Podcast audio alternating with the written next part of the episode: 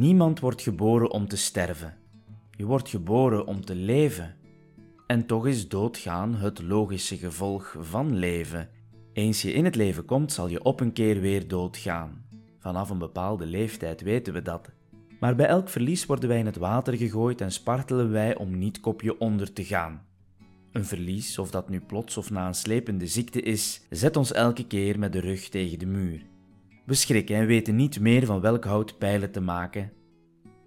En dat terwijl we eigenlijk weten dat de dood bij het leven hoort. Hoe komt het dan dat we er zo door van slag zijn telkens de dood dichtbij komt en iemand wegneemt die we zo graag zien? Zou het kunnen zijn dat niet de dood op zich, maar het veranderende leven ons zoveel angst bezorgt? Want ineens is alles anders. De gids is uit ons leven verdwenen, de motor van ons samen zijn. De bron van ons geluk is in 1, 2, 3 drooggelegd. En daartegen hebben we geen verweer. Er is geen medicijn, er is geen terugspoelknop om de tijd terug te draaien en het afscheid af te wenden. Er is niets. En tegelijk ook alles. Want tijdens een leven samen ontstaan ook prachtige herinneringen die niet verloren gaan.